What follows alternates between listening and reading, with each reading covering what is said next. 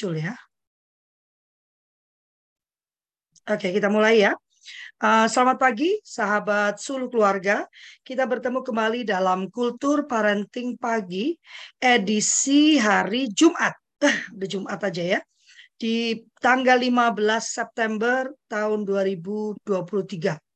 Dan uh, September ini ya memang judulnya kan September ceria. Namun September ini kita dedikasikan untuk mendiskusikan peraturan Menteri Agama nomor 73 kalau nggak salah ya eh, terkait perlindungan dari kekerasan seksual di satuan pendidikan berbasis agama ya.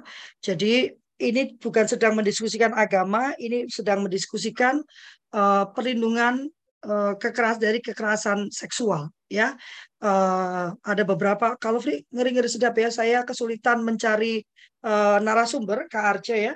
Uh, rupanya banyak yang agak-agak ngeri ngeri sedap uh, ya uh, berbicara tentang ini. Tapi fokusnya bukan sedang mendiskusikan agamanya, karena saya percaya semua agama pasti uh, tidak mengizinkan kekejian ya. Uh, tetapi kita sedang bicara bagaimana kemudian satuan pendidikan ini menerapkan nomor satu, apakah memahami dulu tentang permenak itu ya? Apakah sosialisasi cukup dilakukan? Karena saya pun baru tahu kalau permenak itu rupanya sudah ada turunannya dari peraturan menteri menjadi keputusan menteri ya. Uh, kemudian apakah kemudian uh, satuan pendidikan, jangan-jangan satuan pendidikan ini sudah lebih maju daripada uh, Kementerian Agamanya sendiri gitu, bahwa ternyata dia sudah uh, membuat uh, SOP tak aturan yang terkait dengan ini. Mengapa kami mengumpulkan setiap agama di akhir dari uh, diskusi kita uh, di bulan akhir bulan ini nanti saya akan memberikan undangan juga kepada Arce. Kami mau mendiskusikan sebagai sebuah komunitas karena uh, Sulu keluarga ini terbentuk satu komunitas uh, WhatsApp uh, Arce. Uh, dan nanti kita akan bicara sebagai komunitas apa nih yang bisa kita lakukan untuk memastikan peraturan yang begitu indah ini bisa benar-benar dirasakan manfaatnya oleh anak-anak kita di satuan pendidikan. Arce biasanya nanti kami berikan kesempatan Arce untuk uh, untuk presentasi selama 30 menit give and take lalu akan ada sesi tanya jawab. Dan uh, karena KRC baru ya, eh, kultur parenting pagi ini sudah tiga tahun kami laksanakan. Uh, tadinya Senin, Rabu, Jumat, tapi kemudian saya potong Rabunya karena cukup melelahkan. Jadi Senin, Jumat jam 7 sampai jam 8 pagi dan puji Tuhan uh, hari ini sudah sampai uh, 30-50 orang pesertanya dimulai dari hanya lima orang. Fokus pada parenting. Silakan Kak Arce. Baik, terima kasih Kak Lo. Li dan kakak-kakak sekalian. Pertama-tama selamat pagi dulu saya ucapkan dan salam sejahtera. Assalamualaikum warahmatullahi wabarakatuh. Eh, salam sehat buat kita semuanya. Menarik sekali uh, Kak Lofti ketika saya diberikan dari Majelis Pendidikan Kristen di Indonesia yang mewadahi yayasan-yayasan pendidikan Kristen yang ada di Indonesia uh, untuk memberikan bagaimana ini pencegahan dari uh, kekerasan di satuan pendidikan secara khusus dari berbasis uh, Kristen Protestan. Untuk diketahui bahwa memang kami sudah beberapa hal melakukan uh, sosialisasi dan juga melakukan diskusi FGD dan sebagainya bersama dengan Komnas Perempuan, lalu kemudian sebulan yang lalu uh, dengan Pak Menteri ya, Mas Menteri Nadim di dalam hal mensosialisasi permen tentang pencegahan dari kekerasan seksual di satuan pendidikan izinkan saya uh, selaku narasumber di sini yang dipercaya ya oleh eh, Kak Lovely dan kawan-kawan untuk membawakan beberapa hal yang tentu ini saya pikir mungkin Bapak kakak-kakak sekalian sudah mendengar uh, sudah mendengar dan juga membacanya ya dari peraturan tersebut. Tidak salah juga saya membagikan akan hal tersebut. Baik, uh, kayaknya Pak Kak Lovely, uh, saya izin ya mau menyampaikan bahwa saya ketua bidang 5 kebijakan pendidikan dari Majelis Pendidikan Kristen di Indonesia dan juga ketua wakil ketua Komisi Perlindungan uh, Gender dan Anak. Izinkan saya untuk melakukan presentasi. Izin share ya, Kak ya. Silakan. Eh Kak Rustri, biasanya cuma WhatsApp doang, sekarang melihat wajah. Silakan Kak. Iya. Apa sudah kelihatan? Sudah kelihatan ya? Kalau yes. yes. Sudah, silakan. Baik. Pertama, kita harus melihat dulu terminologi e, berbicara tentang perlindungan itu sebetulnya apa sih dari perspektif secara hukum karena mohon maaf saya dari latar belakang uh, ilmu hukum uh, sekaligus juga sebagai dosen di Pasca Sarjana Universitas Kristen Indonesia. Memang kalau kita berbicara tentang perlindungan, maka terminologinya adalah tempat di mana berlindung. Ada suatu perbuatan dan juga ada sesuatu hal yang memperlindungi itu kalau bilang dari sisi terminologinya. Lalu dari aspek hukumnya sebetulnya apa sih itu perlindungan hukum? Perlindungan hukum itu berbicara di sini tentang perlindungan yang diberikan kepada subjek hukum, orang atau badan hukum. Dalam hal ini tentu mempunyai aturan hukum baik itu bersifat tentunya eh, preventif maupun juga eh, represif yang tentunya bagaimana melihat baik itu ketentuan aturannya itu normanya ditulis secara tidak tertulis maupun tidak maupun tertulis semuanya itu dilakukan di dalam hal menegakkan hukum peraturan eh, tersebut. Lalu kemudian inilah yang saat ini sedang berada dalam situasi darurat kekerasan di lingkungan eh, pendidikan khususnya uh, kalau melihat dari peraturan dari kementerian ini eh, kakak-kakak sekalian ini mempunyai korelasi dengan peraturan Menteri uh, Mas Nadim yang mengeluarkan tentang satuan pendidikan dalam hal uh, bagaimana perlindungan yang diberikan di satuan pendidikan dalam pencegahan kekerasan seksual di sini. Oleh karena itu, peraturan yang pertama harus dilihat peraturan tahun 2022 itu menyangkut uh, ketika itu mengandung dari pengaduan yang masuk ke KPAI dalam hal perlindungan khusus anak, di mana kategorinya itu akan terlihat bagaimana anak-anak korban kejahatan, anak-anak korban kekerasan, baik secara fisik, psikis, dan juga bagaimana anak-anak korban dari pornografi dan seterusnya. Lalu dan ini ada kaitannya kalau kita lihat angkanya sangat tinggi sekali ya. Ada 34,51 persen peserta didik. Jadi ya kalau dibilang satu anak didik ya dari tiga orang tersebut berpotensi sangat berpotensi sekali. Lalu juga peserta didiknya kalau dilihat juga itu mengalami uh, hukuman ya secara fisik kalau dia potensinya 26,9 persen. Ya, jadi dengan kata lain satu dari empat itu mengalami. Lalu kemudian anak-anak laki-laki dan perempuan. Nah, di satuan pendidikan. Dalam hal ini satuan pendidikan bukan hanya dari tingkat kalau dari peraturan menteri itu eh, satuan pendidikan di sini dimaksud eh, bukan hanya melihat eh, dari jalur pendidikan formal saja, tetapi melalui proses tentunya pembelajaran yang ada baik di dalam jalur jenjang maupun jenis pendidikan tertentu karena apa? Karena dalam hal ini mau melihat kepada peserta didik yang mengalami suatu korban-korban tersebut. Nah, demikian juga di dalam hal mengalami eh, ya untuk penanganannya asesmennya seperti apa. Nah, ini lihat persennya itu 36,3 satu persen peserta, jadi satu berbanding tiga. Itu data yang tertera di dalam Kemdikbud tahun 2022.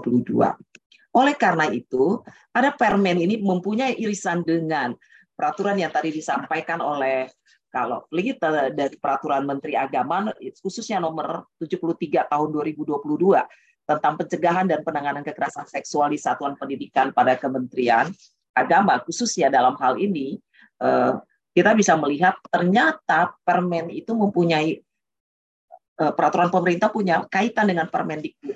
Sasarannya itu mau dilihat gimana? Peserta didik pendidik, tenaga kependidikan, dan warga satuan pendidikan lainnya. Artinya di sini masyarakat yang tentunya beraktivitas atau yang bekerja di satuan pendidikan juga bisa terkena akan hal tersebut. Nah, cakupannya bagaimana? Kita lihat apakah di dalam satuan pendidikan atau di luar pendidikan.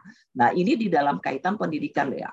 Tentu harus melibatkan lebih dari satuan satu pendidik tentu yang mengalami. Ini enam bentuk kekerasan ibu bapak eh, sorry maaf jadi ibu bapak like, mohon maaf nih kalau please kebiasaan kalau berbicara kakak-kakak sekalian enam bentuk kekerasan yang didefinisi didefinisikan ya. Kekerasan itu dalam bentuk apa? Kekerasan psikis, kekerasan fisik, perundungan ini banyak sekali Bapak Ibu. Kawan saya uh, mempunyai putri pada saat dia sekolah mulai dari SD, SMP, SMA, ternyata akhirnya membawa gangguan psikis sampai sekarang. Bahkan dia sudah sekolah uh, dapat kuliah uh, tahun lalu di ITB sampai sekarang ternyata masih mengalami karena apa? Karena dia mengalami pada saat masa sekolah. Jadi ya traumatis itu terus mengalami gangguan di dalam. Jadi harus minum obat kalau nggak akan mengalami eh, gangguan ketidakstabilan ya. Jadi orang tuanya juga was-wasan terus sampai saat padahal usianya sudah 19 tahun. Nah, itu akibatnya itu. Nah, dan juga ada kekerasan seksual. Ya. Maaf, saya studi buat slide show. Jadi ini kan masih dalam bentuk dokumen ya, diperbesar, ya, dibuat ya. Oke, jadi ini hanya saya ini aja ya, saya sekilas sekilas saja ya. Dan ya, juga nggak diperbesar aja gitu kak, karena oh. ada teman yang bilang kurang gede nih kak nggak kebaca gitu. Oh ya sebentar nah, ya. Di, di, ya. ya sebentar kak. Yang di, di dibesarkan dulu. PowerPoint kan ya? PowerPoint iya. Iya di di di showkan aja ada kan? Oke oke oke sebentar. Sebentar, Pak. Oh. Ya selesai. Wait, wait, wait. Pakai yang mana shows? Ini lah beda ini ya. Iya, beda-beda. Klik slideshow katanya Kak Syane. Mana slideshow? Nah. Terima kasih Kak. Iya, iya, oke, oke, mohon maaf. Lalu kemudian juga terjadilah diskriminasi dan intoleransi, serta bagaimana kebijakan yang mengandung kekerasan itu harus dilihat dari perspektif uh, hukum tentunya, saya melihat di sini. Lalu maaf.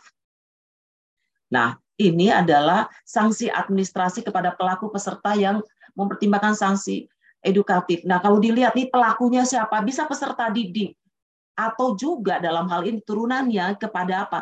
Pemberi ada nggak pemberi sanksi kepada pelaku tersebut? Yaitu tentunya kepada kepala satuan pendidikan. Maka sanksinya itu ada sanksi teguran secara tertulis, ada tindakan edukatif, ada pembinaan peserta didik ke satuan pendidikan lain. Nah, ini ada pasal-pasal yang mengatur tersebut. Nah, tujuannya untuk apa? Tujuannya pertama untuk melindungi korban eh, di sekolah asal atau memastikan hal pendidikan pelaku tidak akan terjadi lagi. Nah, dalam hal ini mempunyai korelasi dengan hak pendidikan anak itu sebagai korban dari kekerasan tersebut harus dilindungi. Oleh karena itu, uh, ada lima kementerian dan lembaga yang telah sepakat bergotong royong supaya ini harus di apa ya dilepaskan gitu ya, harus memberikan perlindungan, harus berperihakan kepada korban. Lima kementerian itu ada Kementerian Kemdikbudristek, Kementerian Agama sesuai dengan peraturan dari Menteri Agama itu memang karena tahun 2022 Kementerian Agama sudah mengeluarkan akan hal tersebut tentang pencegahan dan penanganan kekerasan seksual, lalu juga Kementerian eh, Sosial, Kementerian Dalam Negeri, Kementerian PP, PPA, ya PPPA, lalu lembaganya apa? Itu lima kementerian. Lalu lembaganya adalah Komisi Perlindungan Anak Indonesia, Komisi Nasional Disabilitas, dan Komisi Nasional Hak Ajasi Manusia. Jadi kelima kementerian ini dan lembaga yang terkait telah sepakat, untuk melakukan bagaimana pencegahan dan penanganan kekerasan seksual di satuan pendidikan tersebut. Nah, kekerasan seksual tentunya melihat mencakup tindakan yang dilakukan uh, tentu melalui teknologi informasi juga bisa dan komunikasi. Nah, sejumlah kekerasan yang dimaksud di sini adalah tentang perilaku, mengeluarkan ujaran yang mendiskriminasi, melecehkan penampilan fisik. Tadi sebagaimana saya sampaikan, contoh kasus yang real. Kawan saya mempunyai putri yang mengalami hal tersebut. Padahal hanya mohon maaf, anaknya itu hanya cuma karena gemuk, lalu kemudian rambutnya panjang dan sebagainya, lalu dilakukan hal tersebut. Dan juga ada kata-kata yang tentunya dapat dikatakan berkonektivitas eh, apa identitas gender korban itu sering kadang-kadang dilakukan. Dan juga bagaimana memperlihatkan alat kelamin tanpa persetujuan korban. Itu banyak sekali yang kadang-kadang terjadi. Dan bukan hanya terjadi dalam satuan pendidikan yang formal, tapi kadang-kadang yang non formal, kadang-kadang yang non formal juga mengalami hal tersebut. Oleh karena itu, kekerasan terhadap uh, yang terjadi kepada semua jenjang pendidikan maka akan dilihat kenapa sih mereka kadang-kadang itu takut, malu dan sebagainya.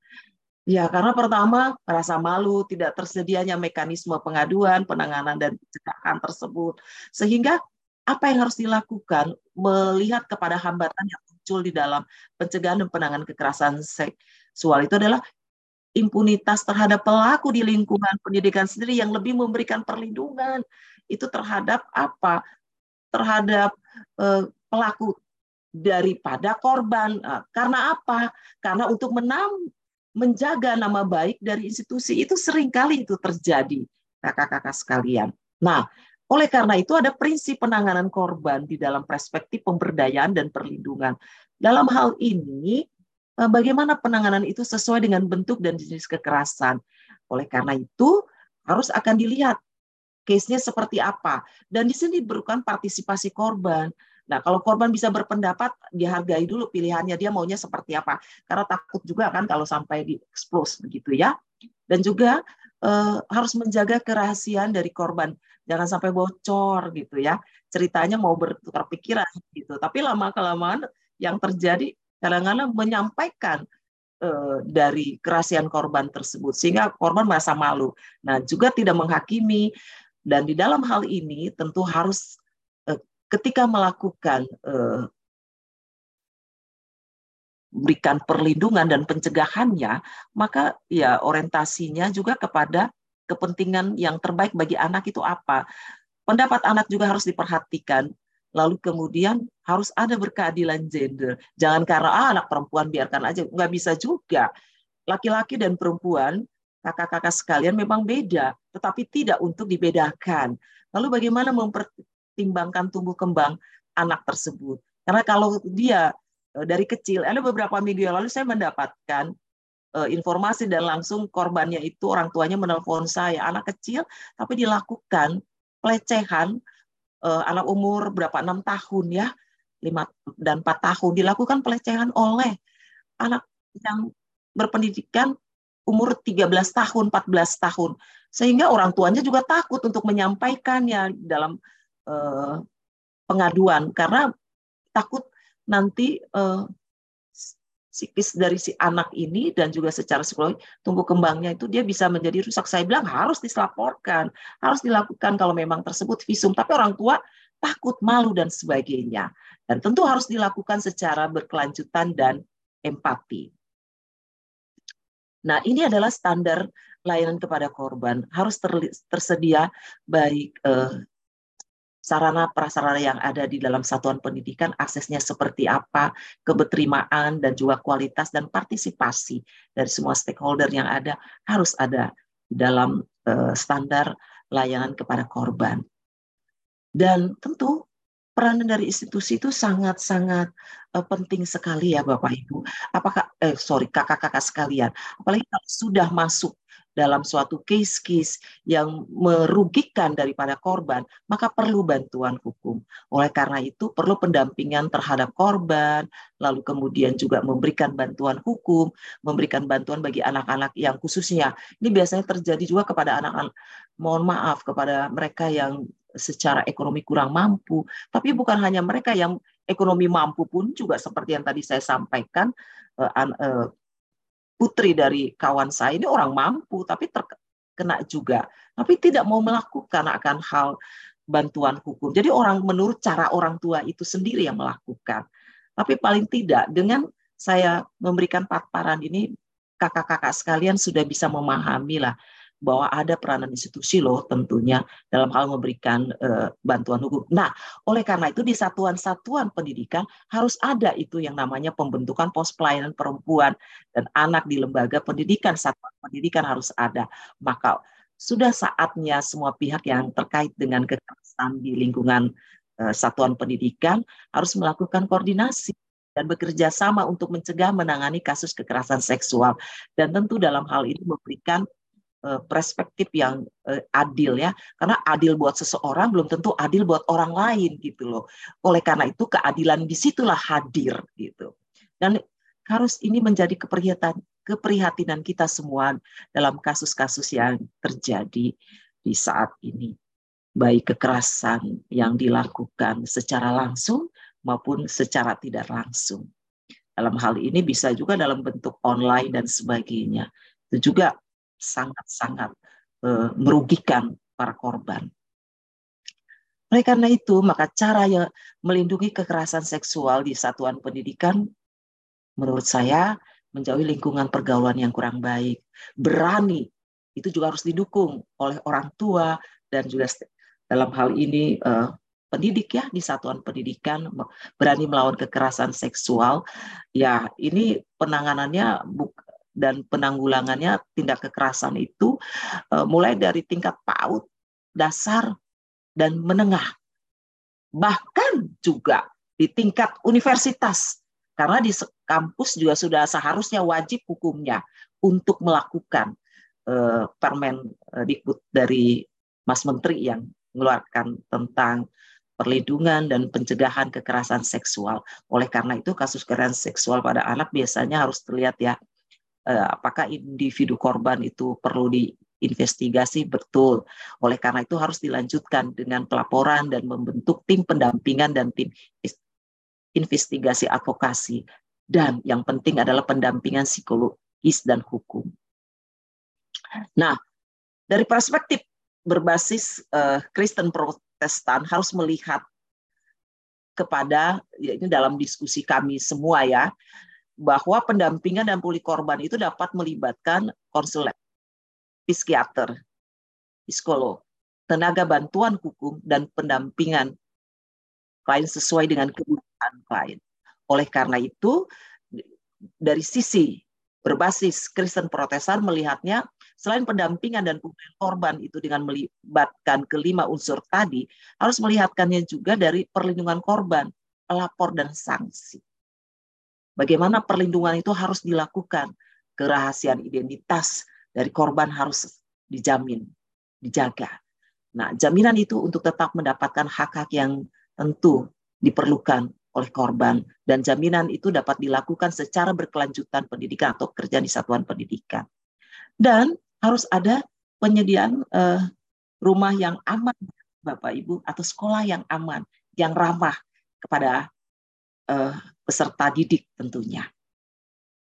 Nah, upaya yang dapat dilakukan dalam melindungi anak-anak dari kekerasan ya itu perlu kerjasama dengan berbagai lembaga dan masyarakat dalam hal mengatasi, mencegah sebelum kekerasan itu terjadi. Dan oleh karena itu perlu nih para pendidik melakukan pelatihan-pelatihan yang akan dilakukan untuk uh, tindakan preventif ya uh, di satuan pendidikannya dan juga membuat program ya mata pelajaran edukasi kepada peserta terkait dengan kesehatan keproduksian dan juga penyadaran bahwa ada loh bagian-bagian tubuh tertentu yang tidak boleh disentuh oleh siapa pun. Anak kecil juga harus loh, karena korbannya ini anak 4 tahun, lima tahun, ya paling tidak guru yang terutama di dalam keluarga itu adalah ibu ya ibu komunikasi bagaimana dengan putra putrinya dan harus disampaikan tubuh-tubuh mana yang boleh disentuh oleh orang lain di luar dari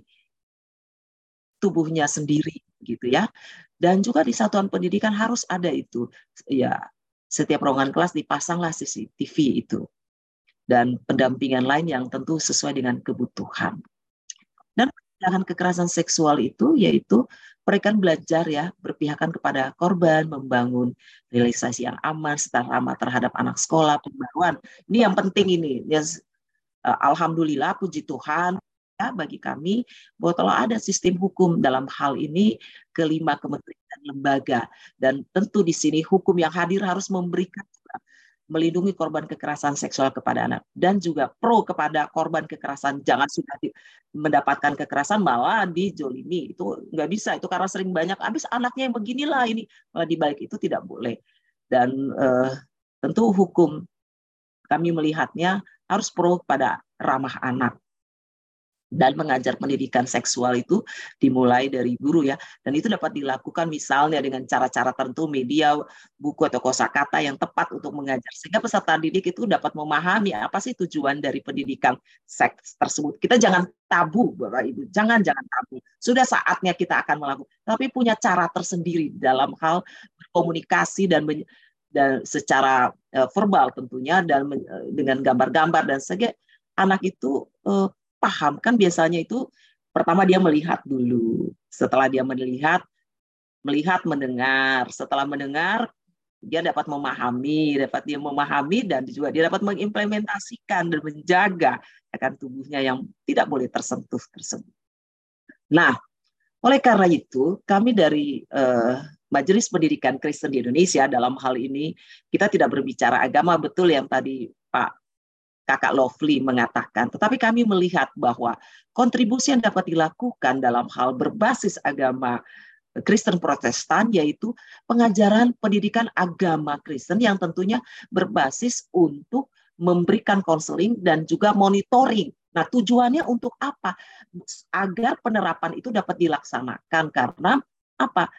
Penerapan itu dilaksanakan sehingga eh, pencegahan yang dapat dilakukan kepada peserta didik itu hadir dan tentu menemani korban sampai dia mengalami suatu kemudian dari trauma yang dialami. Oleh karena itu pendidikan saya tadi sampaikan dari berbasis uh, uh, Kristen Protestan melihat pendidikan seks itu perlu diintegrasi dalam agama menurut cara tertentu di dalam hal uh, para pendidik menyampaikan dan dapat dilakukan menurut, uh, menurut caranya masing-masing agar apa? Agar tidak ada lagi yang menjadi eh, korban-korban pelecehan dari seksual di satuan pendidikan. Terima kasih Kak Lovely itu butir-butir pemikiran yang dapat saya sampaikan ya sharing kalau saya bisa mengatakan pagi-pagi begini kita ngopi-ngopi cantik ya sambil mendengar eh, apa bincang praktik tentang eh, penghapusan eh, dan juga dalam hal ini pencegahan dan penanganan kekerasan seksual di satuan pendidikan sesuai dengan Permen eh, Menteri Agama tahun 2022 nomor 73. Demikian kalau boleh saya stop share ya atau gimana nih? Boleh ya? Ya, silakan, silakan Kak. Menarik sekali ya paparannya ya. Oh.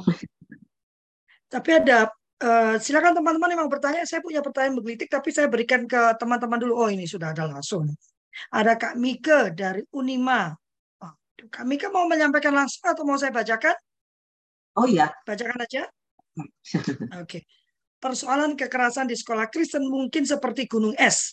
Persoalan ini perlu diakomodir dengan efektif. Usul, perlu ada pelatihan kepada guru Kristen sukarela untuk melaksanakan tugas pencegahan pendampingan serta eksekutor aturan. Setiap sekolah Kristen harus ada gugus tugas pencegahan kekerasan. Wah, luar biasa ini. Bagaimana? Saya tahu saya ini kelompok eh, ikut ini ya, ikut WhatsApp grupnya Bu Arce ini ya, Kak Arce ini ya. Uh, dan saya berterima kasih pada Kak Rustri ya karena membagikan link ini kepada rekan-rekan di WhatsApp grup uh, uh, MPK ya sehingga kita banyak teman ya ini 65 orang. Apakah memang MPK pun sudah melirik ke sana Kak Arce, sudah membuatkan pelatihan, lalu uh, pendampingan terkait uh, uh, pembentukan gugus tugas ini? Baik, terima kasih Kak Lovely dan uh, kakak yang bertanya. Kak siapa tadi namanya? Mohon maaf, Kak Lovely. Yang bertanya Kak Mike. tadi. Oh, Kak, Kak Mike. Mike Imbar. Ya, terima kasih Kak Mike. Ya, kami dari Majelis Pendidikan Kristen di Indonesia sangat ber, uh, cepat tangkap ya dengan persoalan-persoalan yang terjadi. Kalau dikatakan apakah sudah gugus tugas? Ya, gugus tugas itu memang sudah ada. Kami melakukan sosialisasi dan itu sudah kami lakukan beberapa tahun yang lalu, tiga tahun yang lalu, empat tahun. Karena kami melihat begitu banyak kekerasan yang dilakukan di satuan pendidikan. Pendidikan lalu upaya apa sih yang harus kami lakukan? Nah, maka kami melakukan sosialisasi. Nah, kami sosialisasi mulai dari tahun uh, eh, 2001 sebelum Covid gitu ya. 2001 kemudian setelah Covid kami masuk lagi melalui online 2001 2002 terus menerus bahkan sampai kepada Kongres Majelis Pendidikan Kristen di Indonesia di Bali uh, kami dari gugus tugas uh, apa gender dan perlindungan anak mensosialisasikan hal tersebut. Bahkan dari Komnas HAM gitu ya Eh, Komnas Perempuan juga memberikan akan hal tersebut mensosialisasi. Dan ini kami, kami lakukan kepada siapa? Kepada satuan-satuan pendidikan dalam hal ini anggota-anggota MPKW Majelis Pendidikan Kristen di wilayah-wilayah yang ada di wilayah Indonesia seluruh Indonesia. Dan kami tetap melakukan sosialisasi tersebut. Bagaimana melihat kepada peranan dari guru, peranan dari orang tua, bagaimana peranan juga pokoknya stakeholder yang ada. Sehingga ini tidak berhenti sampai di sini terus menerus memang kalau dilihat oh kayaknya apa sih untuk apa sih? Kayaknya kami aman-aman. Nggak bisa juga aman-aman. Kelihatannya aman tapi di dalamnya lama-lama kalau tidak uh, ada gitu yang tidak mau diungkapkan karena apa? Merasa malu dan sebagainya. Oleh karena itu sosialisasi ini kami berikan uh, kepada seluruh MPKW khususnya dalam berbasis Kristen Protestan ya kepada mereka untuk dapat mereka meneruskan kepada eh, anggota-anggota. Karena anggota-anggota MPKW itu adalah anggota-anggota dari yayasan-yayasan eh, pendidikan Kristen di seluruh Indonesia. Dan oleh karena itu ini kan seperti tidak bisa stuck sampai di sini saja itu harus berkelanjutan terus menerus maka perlu itu eh, kalau Free tadi benar ini dengan apa satuan dari uh, seluruh keluarga yang terus-menerus memberikan sosialisasi di dalam hal pencegahan dan juga perlindungan uh, perlindungan dan pencegahan dalam hal penanganan kekerasan seksual di satuan pendidikan. Saya sangat setuju dan itu sudah ada di MPKW. Kebetulan uh, saya sebagai wakil ketuanya. Demikian Kak Lovely, terima kasih. Terima kasih Kak. Ada lagi yang mau bertanya Kak? Jadi memang sudah dilakukan bahkan sejak 2001 ya. Uh, ya. Apakah ada panduan yang sudah dihasilkan Kak yang bisa sudah dibagikan? Ada. Sudah ada. Kami dari satu dari dari MPK uh, eh, sudah hmm. ada satu dan kami bagikan kepada peserta kongres di Bali tahun 2022 waktu itu bulan April 2020 kami bagikan itu semuanya. Silakan boleh kontak-kontak lah dan main-main di MPK.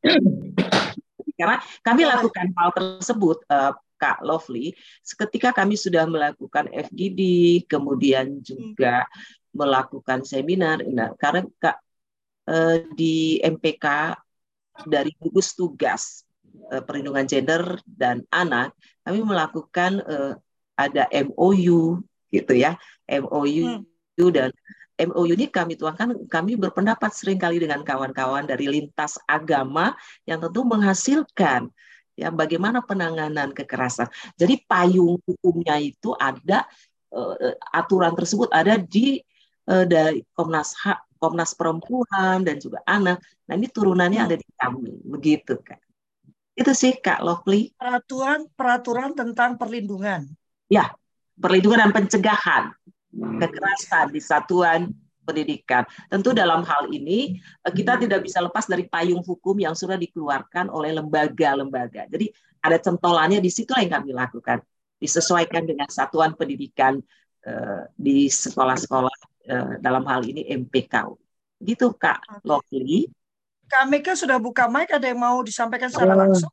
Iya Bu, ya. karena ini kita diskusi, mohon maaf karena ini memang hal yang sangat menarik dan urgen ya.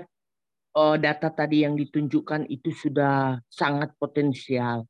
Saya juga melihat ya sekolah-sekolah Kristen khususnya ada hal penting yang perlu kita waspadai, uh, yaitu bahwa kita karena ingin banyak siswa ya karena bagaimanapun kita persaingan juga ya dengan sekolah-sekolah negeri yang baik begitu ah kita kadang-kadang memberi uh, wadah ruang kepada orang tua ataupun uh, baby sister, pembantu dan sebagainya untuk bisa uh, ber, uh, ada di sekolah ya kita sediakan tempat tapi sebenarnya bagi saya itu justru bisa menjadi salah satu pemicu. Ya. Sebenarnya salah satu tugas untuk pengendalian kekerasan karena kekerasan seksual itu kan bisa dilakukan biasanya ya dilakukan oleh orang-orang yang paling dekat dengan anak-anak. Saya punya pengalaman, saya punya pengalaman Bu waktu saya menjadi koordinator sekolah swasta. Uh, tindakan pertama saya karena sekolah itu banyak sekali orang tua sopir bisa seenaknya berada dalam sekolah uh, saya suruh keluarkan mereka semua ya. Sehingga saya agak sedikit uh, kontroversial dengan uh, pengurus yayasan karena pengurus yayasan tidak mau karena itu salah satu tarikan mereka supaya orang tua uh, bisa menyekolahkan anak di situ. Jadi orang tua bisa jaga masuk seenaknya lihat. Dan betul ya Ibu. Oh, karena ketika saya masuk dan saya suruh keluarkan tapi masih harus berurusan dengan yayasan bagaimana baiknya. Lalu Tuhan menunjukkan bahwa itu ada masalah. Yaitu ketika salah satu sopir dari uh, orang tua itu itu mungkin mengalami ada kelainan seksual begitu ya si sopir itu. Dia itu sudah lubangi itu WC memang WC-nya darurat ya. Jadi anak-anak TK SD itu masuk ke WC situ. Lalu satu kali kejadian ada anak yang menangis berteriak keluar menangis mengatakan ada yang lihat-lihat dia di WC begitu ya uh, saya selalu berpendapat bahwa anak kecil tidak mungkin bohong, ya kan? Mereka itu jujur dan apalagi dengan reaksi dia yang sangat ketakutan. Lalu saya minta diselidiki, diperiksa oleh guru-guru, kita sama-sama periksa dan kami menemukan ada lubang itu WC karena memang WC darurat ya. Akhirnya kami cari dan dengan pertolongan Tuhan kami temukan siapa pelakunya.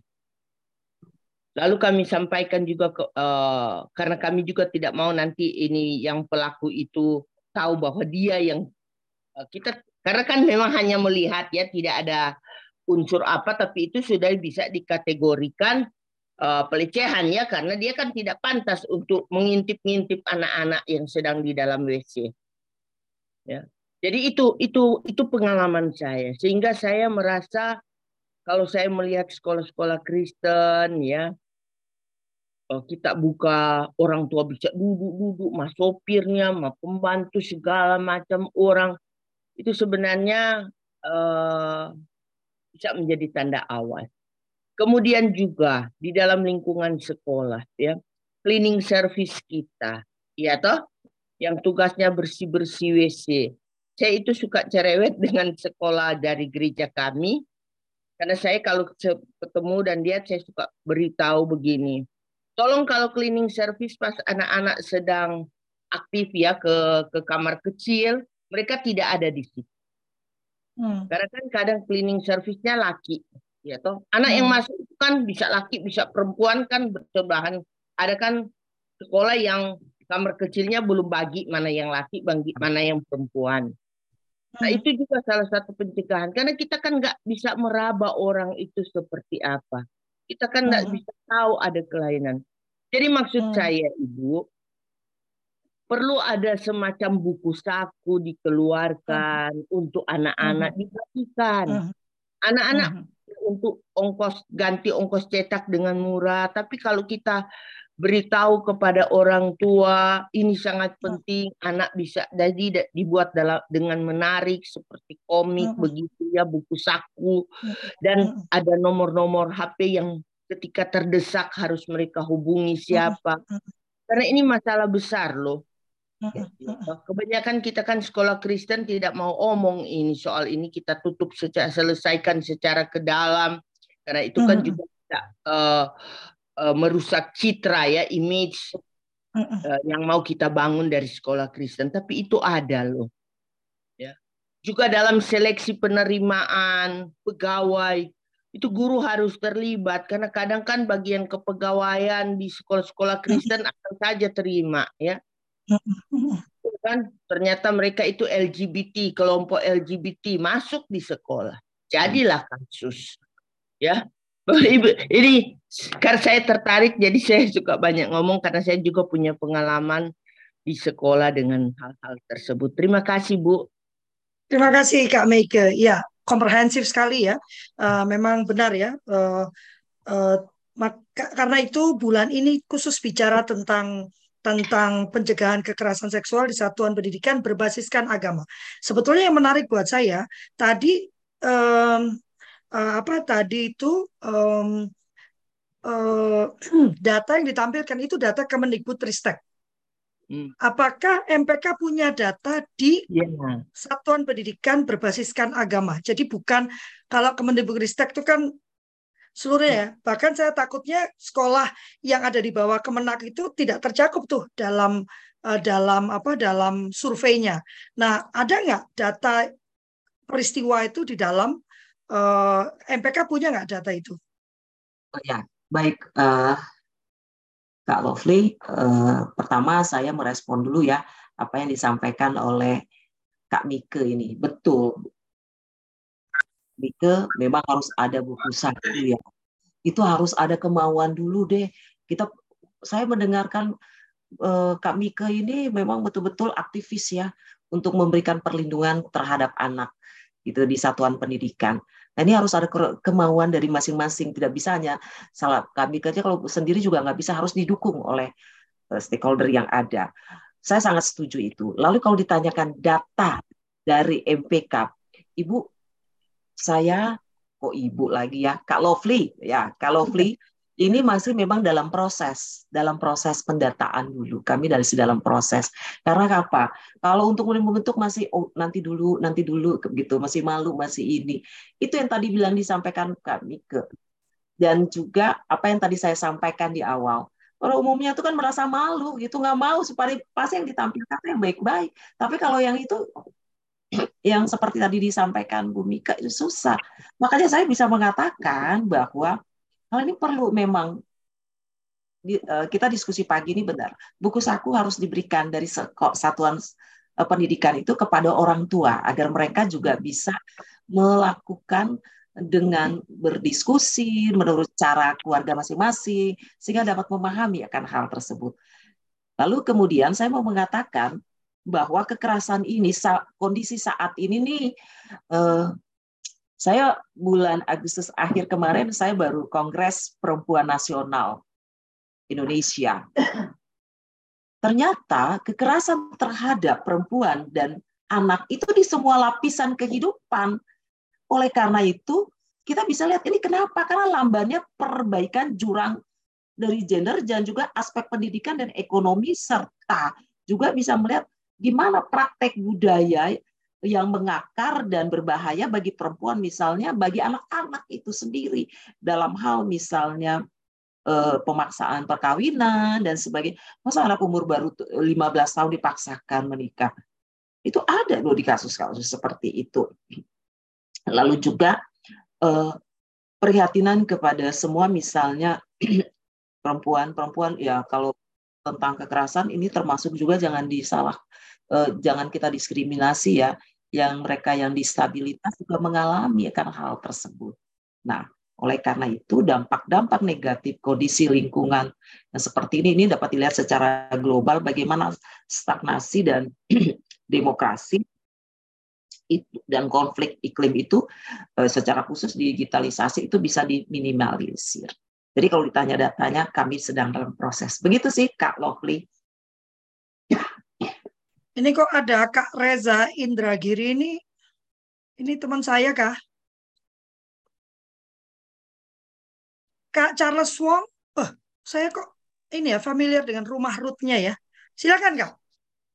Iya, uh, mungkin saya sedikit menanggapi betul sekali. Menurut saya untuk penganak Eh, penanganan kekerasan seksual itu cara berpikirkan sudah harus lebih kolaboratif begitu ya karena nggak bisa dipandang hanya sisi sekedar sudut agama.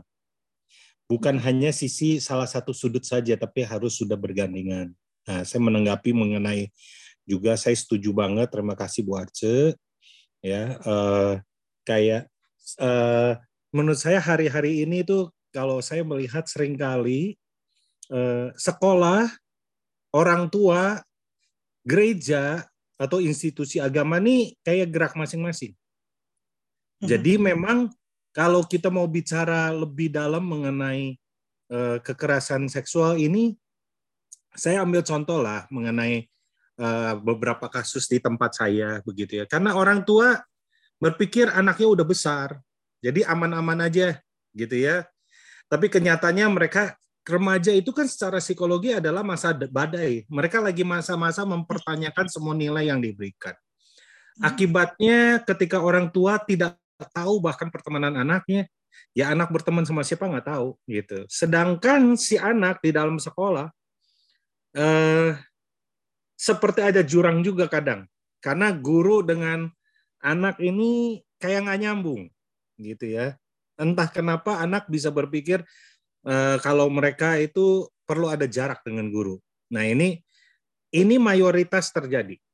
Jadi terus sekolah kalau bikin acara dengan orang tua bisa nyampe 30% itu udah luar biasa. Ya, jadi ini gimana caranya sekolah, gereja, orang tua ini menjadi pagar buat si anak. Ya selain uh, mengadakan edukasi tentunya dari pihak sekolah, tapi tanggung jawab terutama kan sebenarnya di orang tua. Tapi sayang nggak pernah ada sekolah untuk orang tua. Jadi otomatis nih perlu ada yang mengencourage ya baik dari sisi gereja maupun sekolah kepada orang tua. Gitu. Jadi ini uh, makanya judulnya luar biasa ya kultur parenting pagi ya. Parent, bicara parenting ini penting. Banyak orang tua blank. Apa yang harus dilakukan? ya sekolah saya setuju banget tentang uh, guru-guru perlu diedukasi karena beberapa kasus ya di kami uh, yang termuda waktu itu 11 tahun kasusnya dia hamil guru BK-nya udah mau tenang dia keluar hmm. waduh saya kok begitu katanya memalukan dan sebagainya ya jadi saya pikir itu hal-hal yang ke depan memang perlu disusun lebih lagi, bukan hanya sekedar uh, apa tadi gugus tugas di sekolah, mungkin di institusi agama juga akan perlu. Dan uh -huh. yang terakhir adalah pemikiran kolaboratif di mana mengkonekkan antara institusi agama, uh, sekolah, dan orang tua begitu. Mungkin itu aja. Terima kasih. Wah, ya Luar biasa, Kak. Saya sebenarnya sangat terharu ya dengan jumlah peserta yang hadir hari ini ya. Uh, terima kasih ya sampai 75 orang. Artinya kepedulian kita itu luar biasa terhadap kasus yang terjadi. Terima kasih Kak Charles uh, on point banget semuanya ya. Uh, uh, uh, Kak Arca mau menanggapi? Kita masih punya waktu. Silakan dipersiapkan pertanyaan. Ini banyak pertanyaan sebetulnya di sini. Dan dan iya. apa tanggapan? Silakan. Ya, Kak Charles Wong ini sering diskusi sama saya dalam hal eh, apa memberikan pencegahan dan juga perlindungan kepada kekerasan seksual di satuan-satuan eh, pendidikan. Benar, saya sangat setuju. Eh, oleh karena itu, seharusnya ya, sekarang kita tuh bukan lagi melihat kepada ah perempuan seperti itu. Enggak, tapi bagaimana memberikan ya keadilan itu perempuan dan laki-laki sama menjadi korban-korban harus dilindungi gitu. Oleh karena itu, bagaimana pencegahan kekerasan seksual itu silahkan kalau saya sangat eh, saya dari hasil penelitian saya, saya sangat setuju sekali dan saya pikir itu hal yang baik. Pencegahan kekerasan seksual itu dapat dilakukan melalui pendidikan seks ya diberikan kepada anak-anak. Ya kan tadi saya sampaikan satuan pendidikan yang pertama itu kan dalam keluarga. Dari keluarga baru ini keluar. Karena bagaimana? Karena dengan pendidikan seks itu bagaimana menegakkan hak-hak anak itu merupakan investasi dari kehidupan mereka di masa mendatang. Itu yang penting. Karena banyak sekali pada akhirnya ya kalau saat ini kita melihat beberapa uh, mereka yang melak sebagai pelaku-pelaku karena mereka mengalami pada saat mereka masih kecil dan itu harus terobati dulu. harus terobati dulu. Saya ketika saya ya tentu kita kalau dalam hal ini melakukan eh, pengumpulan data dengan teknik wawancara yang dilakukan, itu kan wawancara kita itu santai-santai ya. Dari situ saya memberikan mendapat suatu kesimpulan bahwa ternyata luka mereka itu belum sembuh dari saat mereka dilakukan dengan pelecehan seksual. Sehingga tumbuh kembangnya itu itulah yang dia lakukan. Uh, apa ya? Dia akan mencari korban-korban lagi yang seperti mereka seperti dirinya. Nah ini keluarga kadang-kadang kalau tidak peka ya sulit. Ya kalau di satuan pendidikan itu kan di luar dari uh, keluarga. Itu yang pertama itu dari keluarga dulu. Bagaimana komunikasi orang tua dengan anak. Kan kalau dari basis dari pendidikan Kristen ya Pak Kak Charles paham lah akan hal tersebut. Karena beliau aktivis betul ini aktivis untuk memberikan uh, perlindungan kepada korban-korban kekerasan ini Kak Charles ini. Jadi saya bisa mengatakan bahwa dengan dilakukan hal tersebut ini juga guru-guru juga harus diberikan edukasi gitu loh. Edukasi yang terus menerus gitu bukan saja setelah dari keluarga sudah selesai ya guru-gurunya juga dan juga mungkin kepala sekolah seperti tadi Kak Mike menyampaikan itu kan sangat-sangat nggak mengenakan sekali ya. Tetapi bagaimana dia mengajar sehingga peserta didik itu memahami apa sih tujuan uh, dari pendidikan seks tersebut. Mungkin kalau kami dari dari Kristen Protestan ya, itu ada namanya sekolah-sekolah uh, apa kalau hari minggu ada sekolah minggu gitu ya kalau Lovely ya. Ya mungkin uh, apa kakak-kakak layan guru sekolah minggu juga boleh bisa menyampaikan dengan cerita-cerita yang ada di Alkitab itu lalu kemudian dituangkan menurut bahasa anak-anak gitu. Jadi mereka juga bisa memahami akan hal tersebut begitu sih menurut saya itu Kak Charles terima kasih Kak Charles Wong yang sering berdiskusi dengan saya. Terima kasih uh, apa masukannya eh, diskusinya pada pagi hari. Gitu. Kalau Fli, terima kasih. Ya, luar biasa. Ini waktunya sudah mepet ya. Saya mengundang teman-teman untuk bergabung dengan uh, Sulu Keluarga. Ada WhatsApp grupnya ya. Dan tujuan akhir dari diskusi satu bulan ini adalah mencoba melihat apa yang bisa kita lakukan sebagai sebuah komunitas ya. Kalau namanya komunitas ya kegerakan kegerakan sosial ya, karena didorong oleh kesadaran. Dan menang benar Kak Charles Wong, itu sebabnya Sulu Keluarga ini ngotot ya diadakan dua kali seminggu Senin dan Jumat jam 7 sampai jam 8 pagi dan ini kegiatan free ya, gratis. Uh, wah, pembiayanya kuat dong. Kuat karena pembiayanya besar. Maksudnya saya ya, badan saya kan besar ya. Jadi memang uh, karena ini memang buat saya sudah seperti obsesi ya. Uh, parenting itu sangat penting dan parenting tidak bisa lagi dipandang sebagai satu uh, peran natural ya. Ini adalah keilmuan. Anda perlu ilmu untuk bisa membawa anak-anak Anda ke dalam kehidupan yang sudah Tuhan siapkan. Dan kebetulan juga Kak Arce saya bagian dari persekutuan gereja-gereja dan lembaga-lembaga Injili ya. Uh, ya. Satu mimpi saya adalah mendorong uh, mendorong uh, eh, SOP ini ya, uh, perlindungan terhadap perempuan dan anak di uh, gereja dulu lalu turun ke satuan pendidikan berbasis Kristen ya karena ini uh, uh, karena ini sudah darurat kalau menurut saya darurat ya. Dan di satuan pendidikan berbasis agama lebih sulit karena ada lapisan-lapisan tadi Kak Arce bicara tentang budaya. Nah kalau di satuan pendidikan berbasis agama ini ada satu lagi lapisan yang agak sulit ditembus gitu kan. Karena kalau pelakunya adalah pemuka nah ini lebih sulit lagi. Uh, dan berikutnya uh, Kak Arce sebelum saya eh, tutup silakan memberikan rangkuman, gobrakan, ajakan uh, tindak lanjut dari acara hari ini yang luar biasa menurut saya membuka mata kita luar biasa. Silakan Kak Arja. Ya, terima kasih Pak Kalofli. Yang pertama tadi Kalofli ada kata-kata itu sangat menarik bagi saya dan itu terjadi. Mohon maaf kakak-kakak sekalian, karena uh, pembimbing rohani juga melakukan hal-hal itu yang sangat disentuh karena melihat apa kenapa mereka tidak bisa disentuh dan kenapa keluarga juga kadang-kadang takut dan sebagainya karena menjaga nama baik dari keluarga hmm. dari roh misalnya mohon maaf nih pemimpin pemimpin rohani gitu loh nama nama baik dari pemimpin rohani itu yang dijaga. Padahal mereka lah yang terkadang mohon maaf nih merusak juga citranya. Saya juga nggak tahu. Mungkin karena tidak ada roh, roh kudus di situ yang ada roh kudus ya sehingga terjadi hal tersebut. Gitu ya. Kalau roh kudus yang bekerja tidak akan seperti itu, tapi kalau roh kudus ya seperti itu. Ada hal satu hal.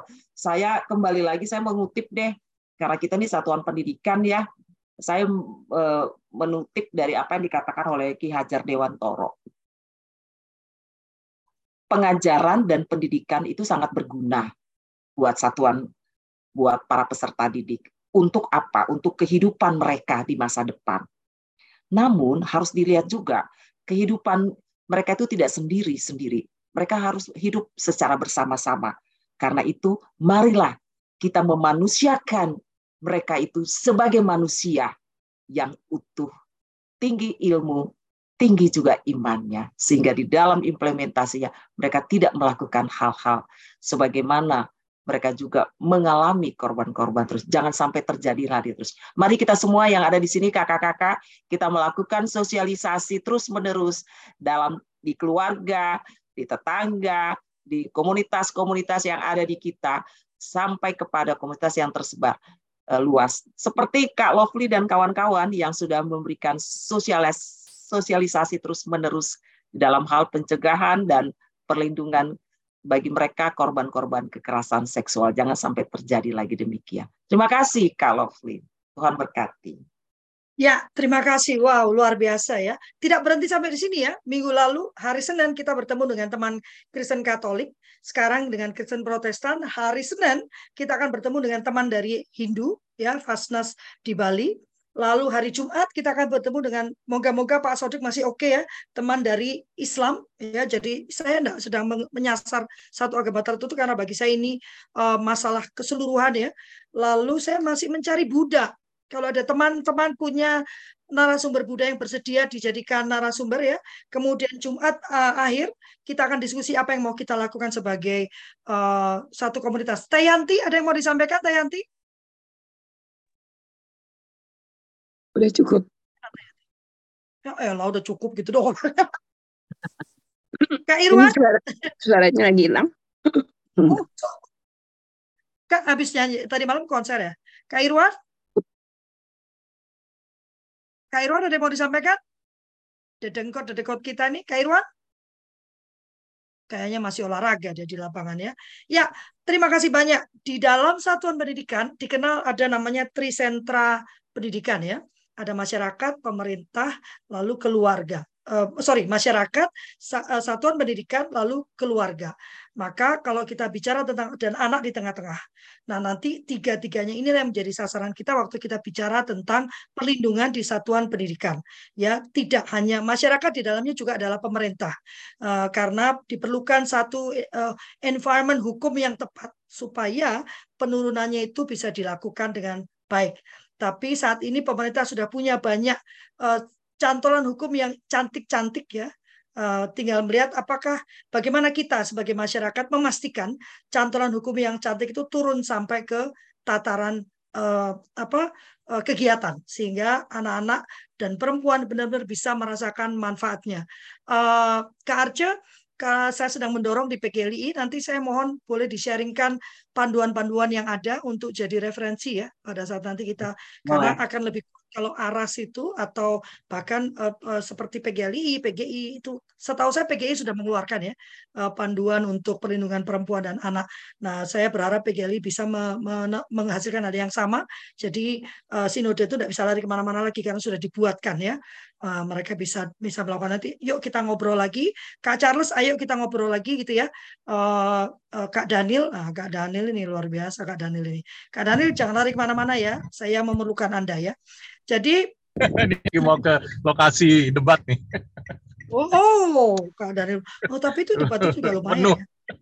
Bisa kita jadikan satu ini ya debat untuk untuk ini ya untuk guru mungkin ya.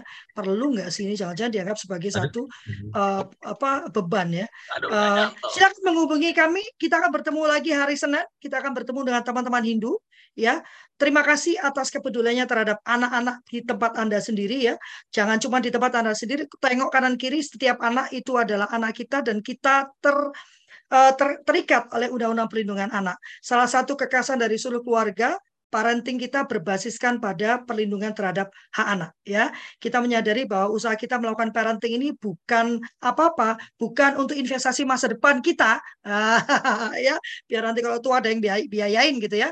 Tetapi ini adalah usaha kita melakukan perlindungan terhadap hak anak karena salah satu perlindungannya adalah hak atas tumbuh kembang ya, hak asuh ya pengasuhan yang baik ya.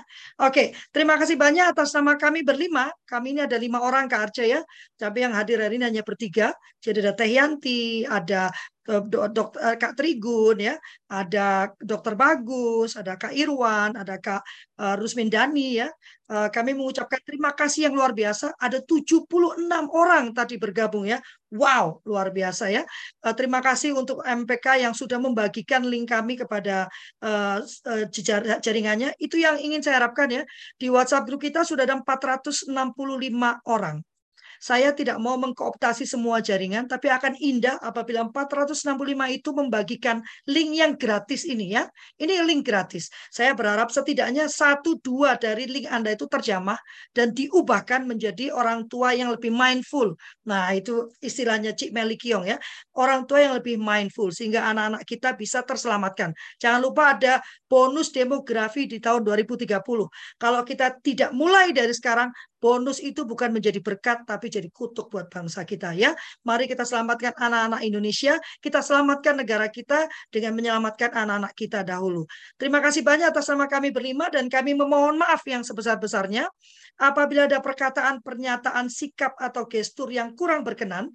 Kembali kami tidak ingin menghina, tidak ingin memojokkan, tidak ingin uh, apa merendahkan ya, tidak ingin uh, nyindir-nyindir gitu ya, bukan ingin menghakimi menghakimi bahkan bukan bermaksud menggurui. Kami hanya ingin membagikan apa yang menjadi keyakinan kami. Kak Deli sambil di foto ya. Lupa Mama sampean. Silakan dikeluarkan hatinya begitulah ya. Saking semangatnya lupa ya. Uh, hatinya dikeluarin ya. Uh, dan kami tidak ingin meng, uh, tidak ingin menggurui, kami hanya ingin membagikan apa yang menjadi keyakinan kami dan Nah, keyakinan doang yang ini nggak disebutkan percuma ya. Apa yang berusaha kami kerjakan dalam kehidupan kami sehari-hari. Terima kasih banyak. Wassalamualaikum warahmatullahi wabarakatuh. Tuhan memberkati. Terima kasih kalau terima kasih. Kita ini ya terima kasih. Ya. Terima kasih. Terima kasih.